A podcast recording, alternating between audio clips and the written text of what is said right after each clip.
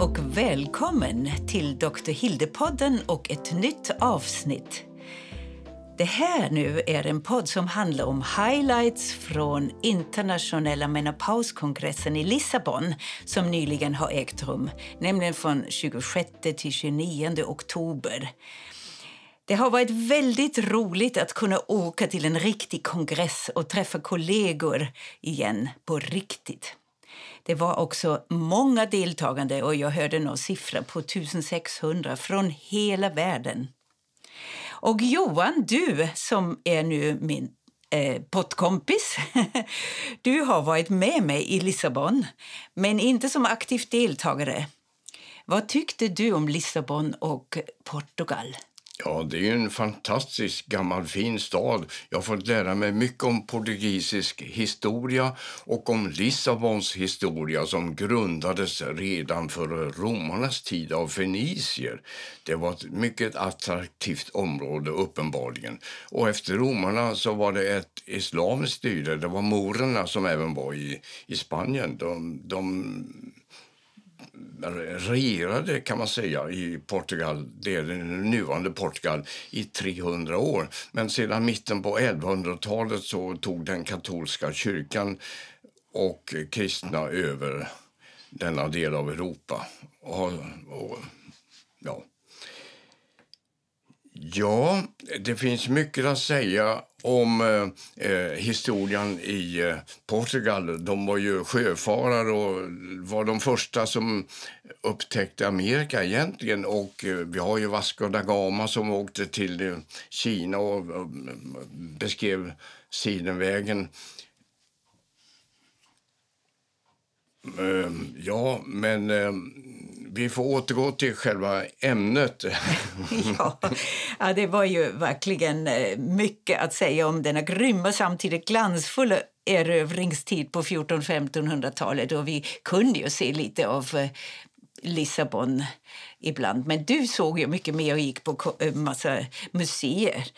Men jag gick ju på menopauskongressen och varje gång jag kom hem från kongressen då fick jag ju berätta om företagen för dig, därför du är ju mitt bollplank. Ja, du är väldigt entusiastisk. Jag tycker att du ska ge åhöraren en liten sammanfattning av det du berättade för mig. Vad har du lärt dig på IMS? ja, tack Johan, då sätter jag igång gång. Jag har ju då nu tänkt att berätta för er lyssnare om nio fokusområden på den här kongressen. Nämligen först om generellt om eh, eh, menopaus, hormonbehandling. Vilka behandlingar rekommenderas nu för tiden inom eh, IMS eller att de främsta experter säger. Sen var det då testosteron och nummer tre, DHEA, det här dihydroepiandrosteron som också är androgen. Sen om trombosrisk, om vallningar och risker inom eh, ja, det med minnet och också eh, för hjärt Och naturligtvis om bröstcancer. Sedan var det ett föredrag om miljöpåverkan och eh, sammanfattningsvis om klimakteriebesvären som nu tas mycket mer på allvar. Ja, ja. Eh, nio punkter. Om du börjar med själva hormonbehandlingen, MHT, Menopausal Hormone Treatment. Hade de några generella regler att komma med? Ja, då var det ett väldigt fint symposium med de främsta experterna eh, för de här olika hormonerna. Nämligen för östrogen var det professor Alfred Myck, för progesteron var det professor Nick Panay och för androgenerna, alltså de manliga, då var det professor Genazzani. Alltså, först var det då professor Myck som är en expert eh, och egentligen farmakolog. Alltså, han vet ju mycket om eh, läkemedel och han är den främsta experten vad som gäller omsättningen av läkemedel också. Och olika former av östrogen har han ju forskat mycket i. Han leder flera studier nu också och har hand om tusentals kvinnor också i Peking. Så den här största menopauskliniken som finns är ju faktiskt i Peking. Eh, han är också i Tyskland alla fall eh, pratar han om det amerikanska hästöstrogen som fortfarande används i hög utsträckning i USA som också kallas CEE, alltså Conjugated Equine Estrogen. Det innehåller tio olika östrogener, dessutom progestiner, alltså eh, progesteronliknande substanser och androgener. Men det är ju hästens hormoner, det är naturliga hästhormoner. Men för honom eh, är det en mischmasch av hormoner för hästar förstås, men rekommenderas inte till människan. Eh, varför? Det är nämligen så att absorptionen, distributionen, metabolismen, alltså omsättningen och också eliminationen av eh, de här hormonerna är låg. Hormoner finns alltså länge i kroppen och det är inte fysiologiskt. Men det här naturliga östrogenet som heter estradiol eh, som kallas bioidentiskt eller body identical. Det går genom kroppen bara en gång om man ger det. Däremot finns det östron, det här eh, är E1 också som kallas, som produceras när östradiol bryts ner i levern. Det är när man alltså sväljer en tablett med östradiol som jag har berättat i min bok. Och det finns ju då kvar tio gånger längre. Östron uppstår alltså vid behandling med östrogentabletter genom att tabletter måste passera lever, levern och eh, komma ut i blodskretsloppet. Eh, professor Mycke är ju en av dem som verkligen rekommenderar transdermal behandling med östradiol. Alltså behandling genom huden med gel, plåster eller spray. Han pratade också om syntetiska östrogener som används i p-piller för yngre kvinnor. Alltså det här som kallas etinylestradiol som också är förkortat EE.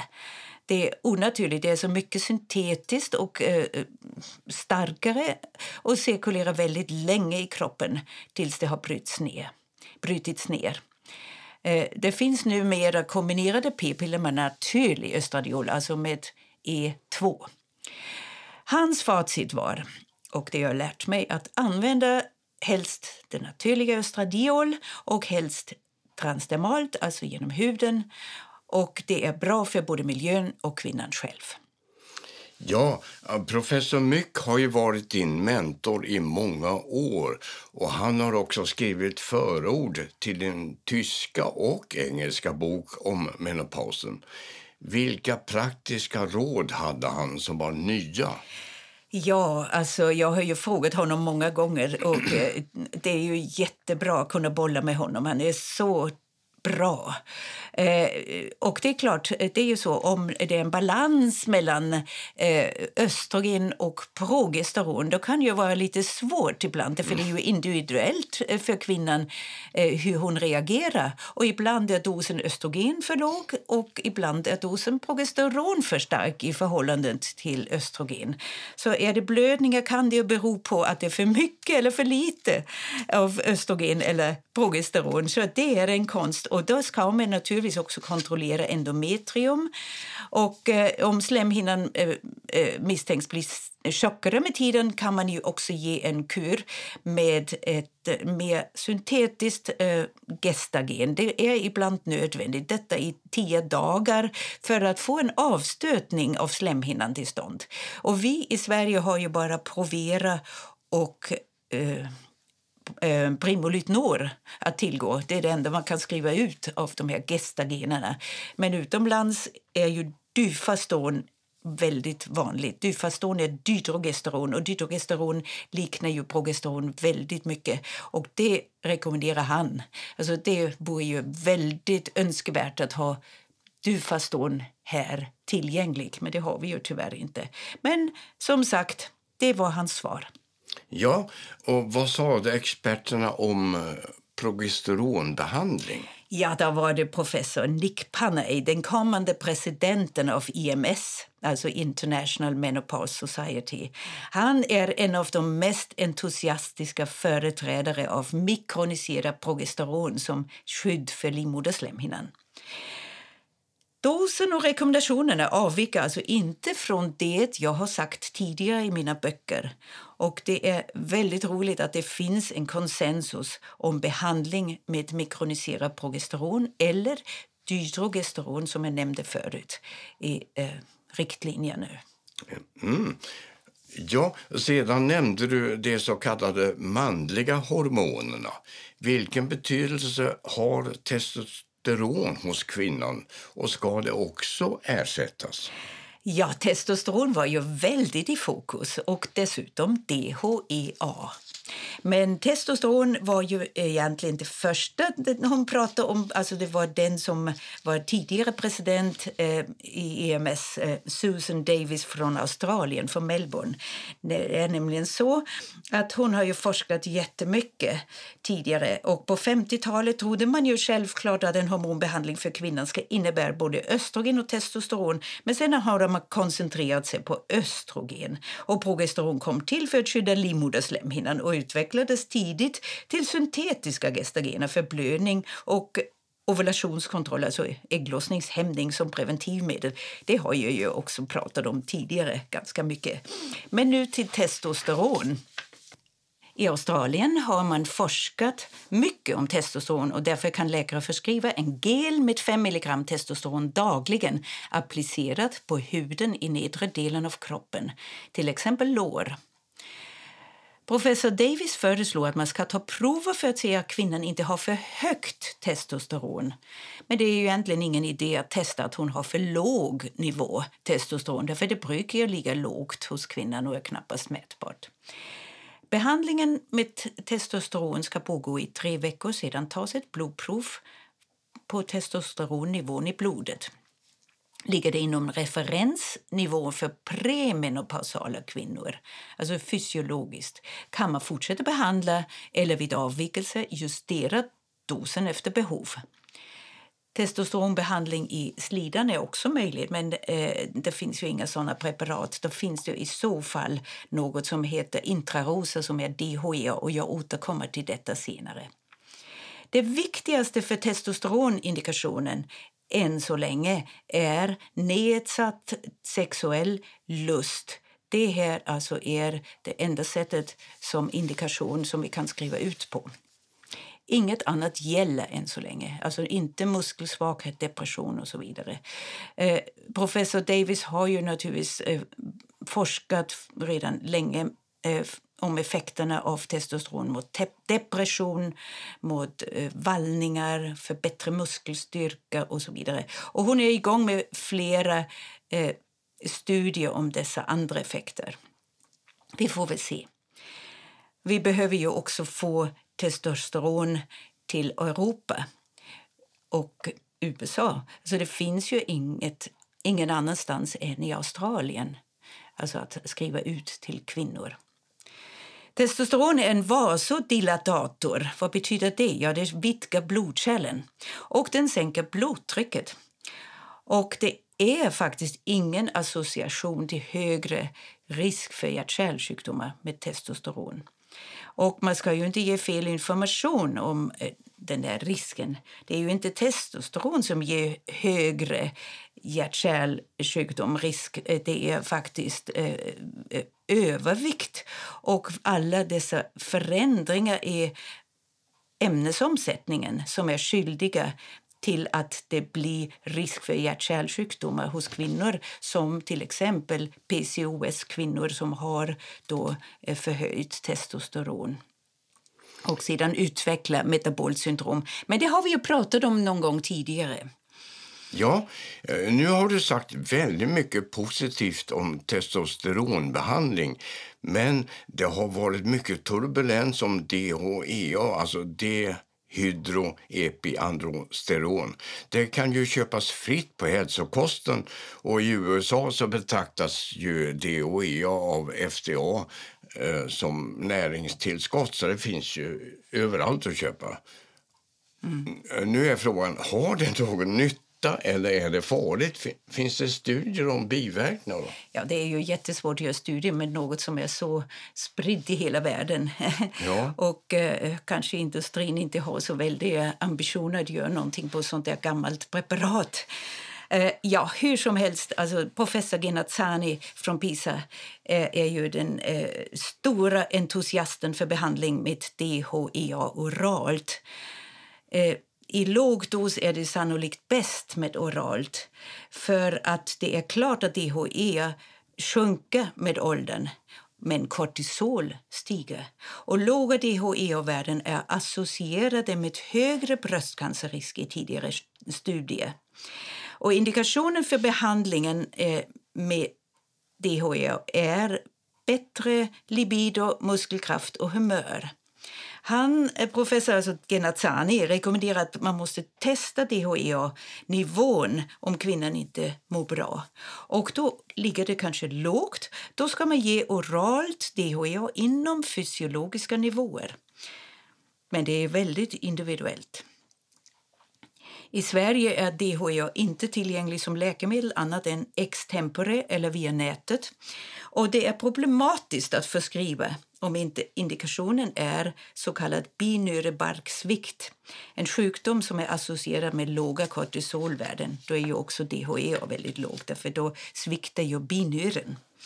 Men eh, ja, hur som sagt, Eh, det är en vaginal tillberedning av DHEA som finns, tack och lov. Och det finns många för fördelar med det här vaginala DHEA som heter alltså intrarosa eftersom det även påverkar muskelskiktet i vagina, inte bara slemhinnan.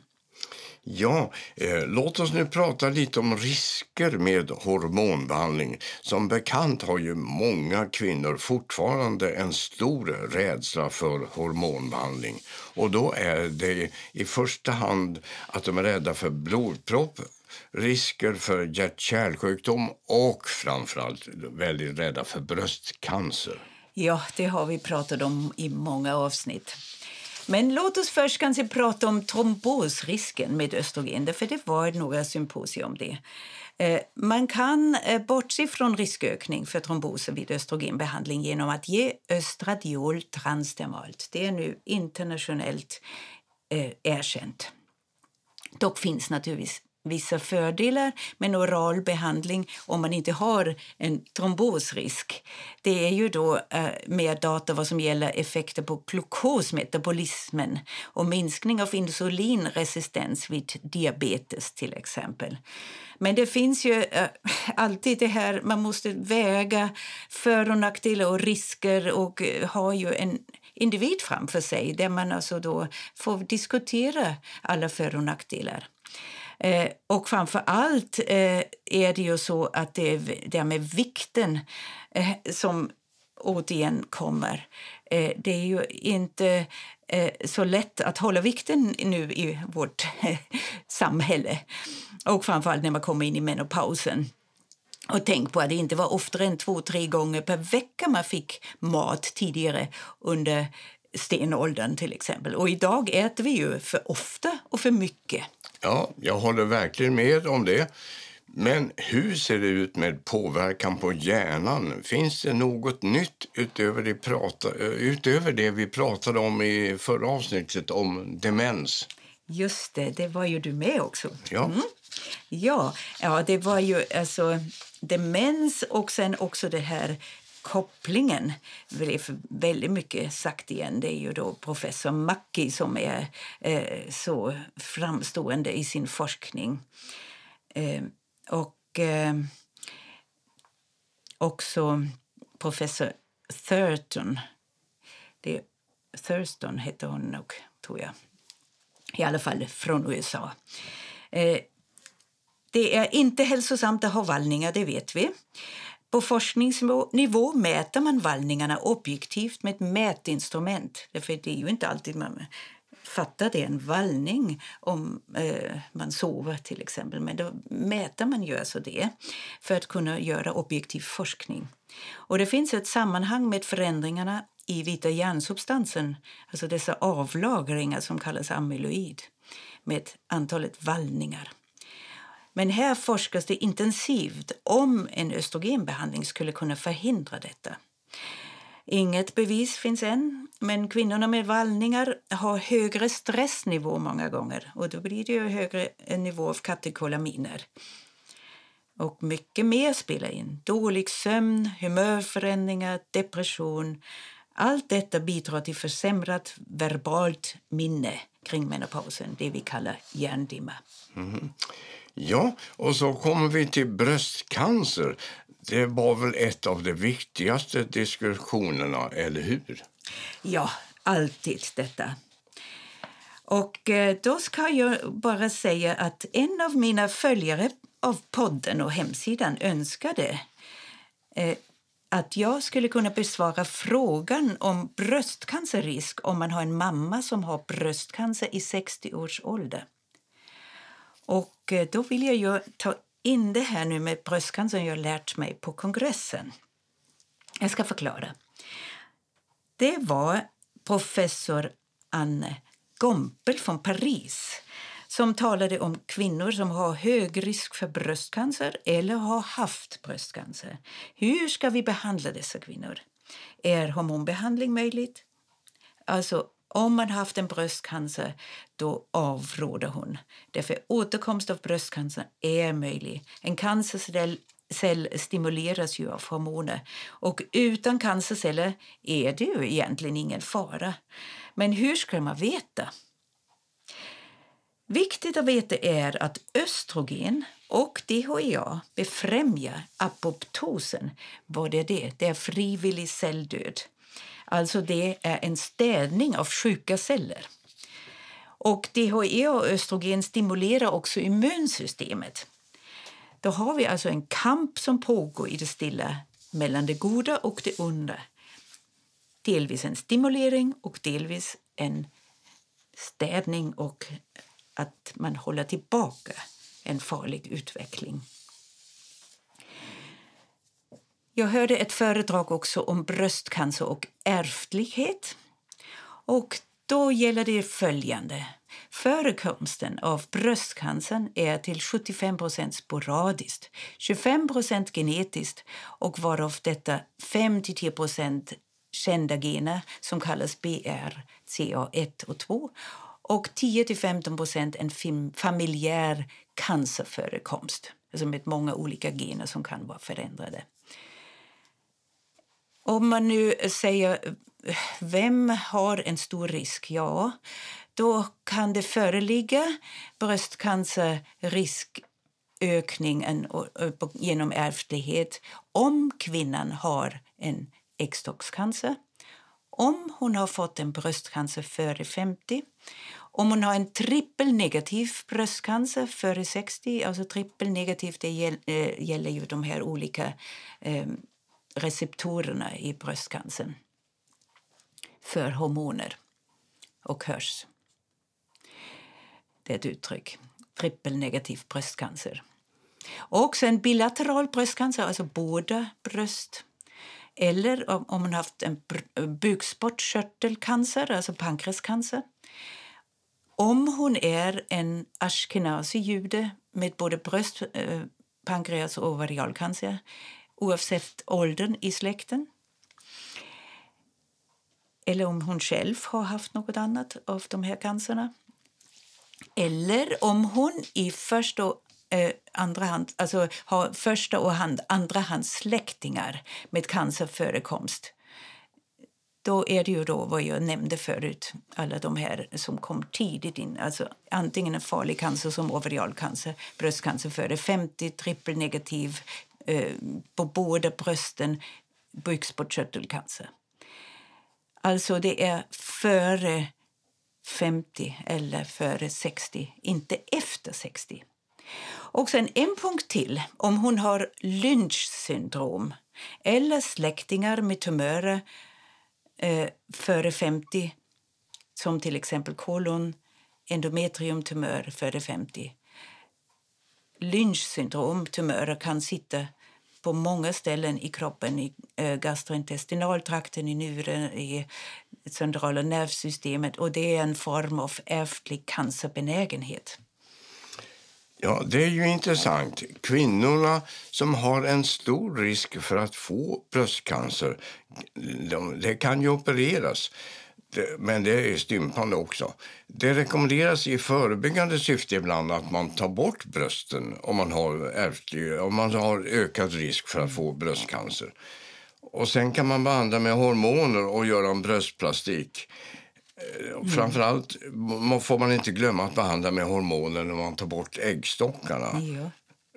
Ja, precis. Ja, det är ju också väldigt viktigt att man tar bort äggstockarna i, i förebyggande syfte. Mm även om det är en risk för bröstcancer. Ja. Alltså därför det anses ju vara kopplat. Ja. Mm. ja, det är ju lättare än att ta bort livmodern också. Den kan man lämna kvar. Ja, livmodern det blir ju ett äh, större ingrepp. Och äh, det är verkligen mycket diskussion om det, om livmodern också tas bort. Äh, det är ju det här med progesteronbehandling. Alltså om man tar bort livmodern, då behöver man inte behandla med progesteron. Då räcker det ju bara med östrogen. Men det är alltid lite svårt. Det är ju så stympande trots allt. Men jag tycker väl är det en stor risk då är det väl bättre att vara eh, förebyggande och komma i tid innan en cancer har utvecklats. Okej, okay. men hur var det nu alltså med den här kvinnan som var rädd för hormonbehandling därför att hennes mamma hade bröstcancer vid 60 års ålder. Skulle hon avstå från hormonbehandling också? eller? Ja, kvinnan eh, som hade mamma som hade bröstcancer efter 60, alltså eh, omkring 60, eh, tycker jag, där har vi en, ett klart svar. Det fyller ju inte det här kriteriet jag sagt om ärftlighet. Så att det är lugnt, tycker jag. Hon behöver inte vara rädd för den skull. Men det finns ju andra riskfaktorer för bröstcancer som övervikt och hög alkohol konsumtion som är mycket mer avgörande för utvecklingen av bröstcancer samt tät bröstvävnad. Och det borde man ju veta genom upprepade mammografiundersökningar där man har nämnt detta eller behövt undersöka extra. Eh, jag glömde säga förut om det här med när man tar bort alla organ redan tidigt. Det är så avgörande att man då ersätter med östrogener fram till den här normala menopausåldern, 52. Att man inte glömmer detta. Därför även kvinnor som har en högre risk för bröstcancer, om organen är bortopererade, ja då skulle de ju kunna ha hormonbehandling. De har ju inte haft en bröstcancer. De behöver hormoner i allra högsta grad. Ja, det är komplicerat här. När du berättade om nedbrytningen av östrogen, alltså produkter som är potentiellt farliga som kroppen skulle göra, göra sig av med. Hur, eh, ja, det nämnde det? jag. Ja, just det. Det var det där med immunsystemet och apoptosen. Ja. Mm. Uh, ja, alltså jag tycker ju också att det här är väldigt komplicerat. Och uh, det är ju å ena sidan proliferationstakten, alltså uh, hur snabbt förökar sig cellen. Det finns ju då mindre tid för alla dessa reparaturmekanismer om det är en snabb omsättning. Så det tycker jag, där har vi ju ändå en punkt att man inte ska överdriva dosen. Alltså att man ska eh, inte ge för höga doser med hormoner. Eh, och sen vid nedbrytning av östrogen då uppstår ju de här biprodukterna Eh, och det gör det med alla östrogener, naturligtvis också transdermala, men det är ju mycket, mycket mildare som jag nämnt förut med transdermala. Och dessa eh, östrogenmetaboliter är i sig inte cancerframkallande. Men eh, det är alltså så om det finns en utomordentlig oxidativ stress som till exempel hos rökare eller om det är genetiska enzymdefekter som gör att det stasar sig på något sätt. Alltså då, eh, det finns ju de här enzymer från det ena steget av en, eh, en metabolit till nästa metabolit. Och de heter ju COMT eller kvinonreduktaser, alltså det är mycket biokemi med detta. Men då kan alltså DNA-skador och tumörutveckling uppstå. Professor Myck höll ett lysande föredrag om detta. Och han har ju forskat en del om detta också. Han rekommenderar i alla fall att man ska inte röka, självklart. Man ska äta och leva hälsosamt och inte vara överviktig. Och man ska ta antioxidanter för att skydda sig. Och framför allt är han ju verkligen en som säger att man ska ta transdermalt östrogen också för bröstets skull. Okej, okay, jag håller med. Eh, det gäller också för män. Eh, man ska inte ta östrogen naturligtvis.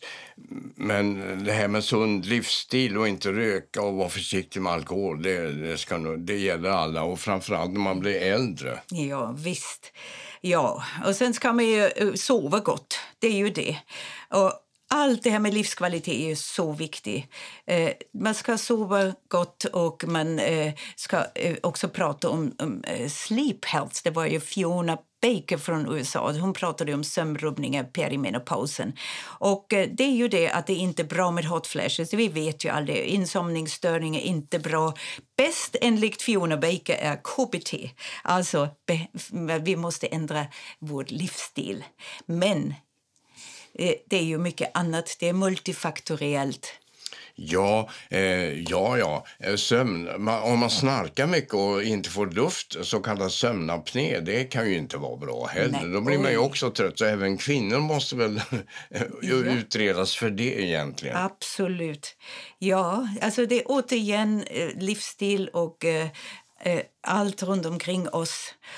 Och då kommer vi ju faktiskt för det där, eh, det här, till den här punkten vi pratade om, eh, om eh, miljön, eller hur Johan? Ja, eh, visst, allt är ju inte hormoner utan det, det, finns många andra negativa faktorer som påverkar hälsan.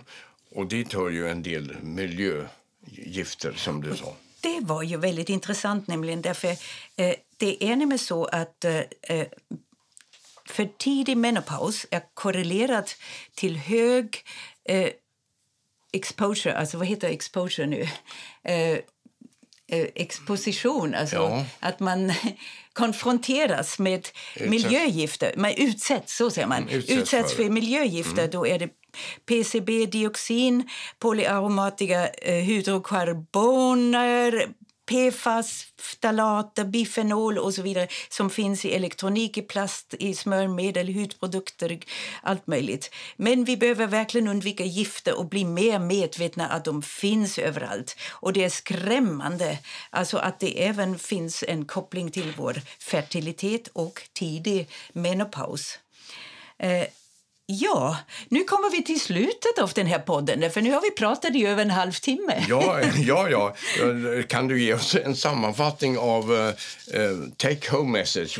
Vad ska man komma ihåg av det här? Ja, alltså det var naturligtvis väldigt mycket mer på kongressen och alla som lyssnade eh, fokuserade väl på det de var mest intresserade av. Jag tyckte det var väldigt roligt att det finns nu så att internationellt erkänt att kvinnans klimakteriebesvär behöver tas på allvar. Det fanns även ett symposium där en patient berättade om problem, hur hon kände sig. Och Det var en afroamerikansk kvinna som var som Michelle Obama.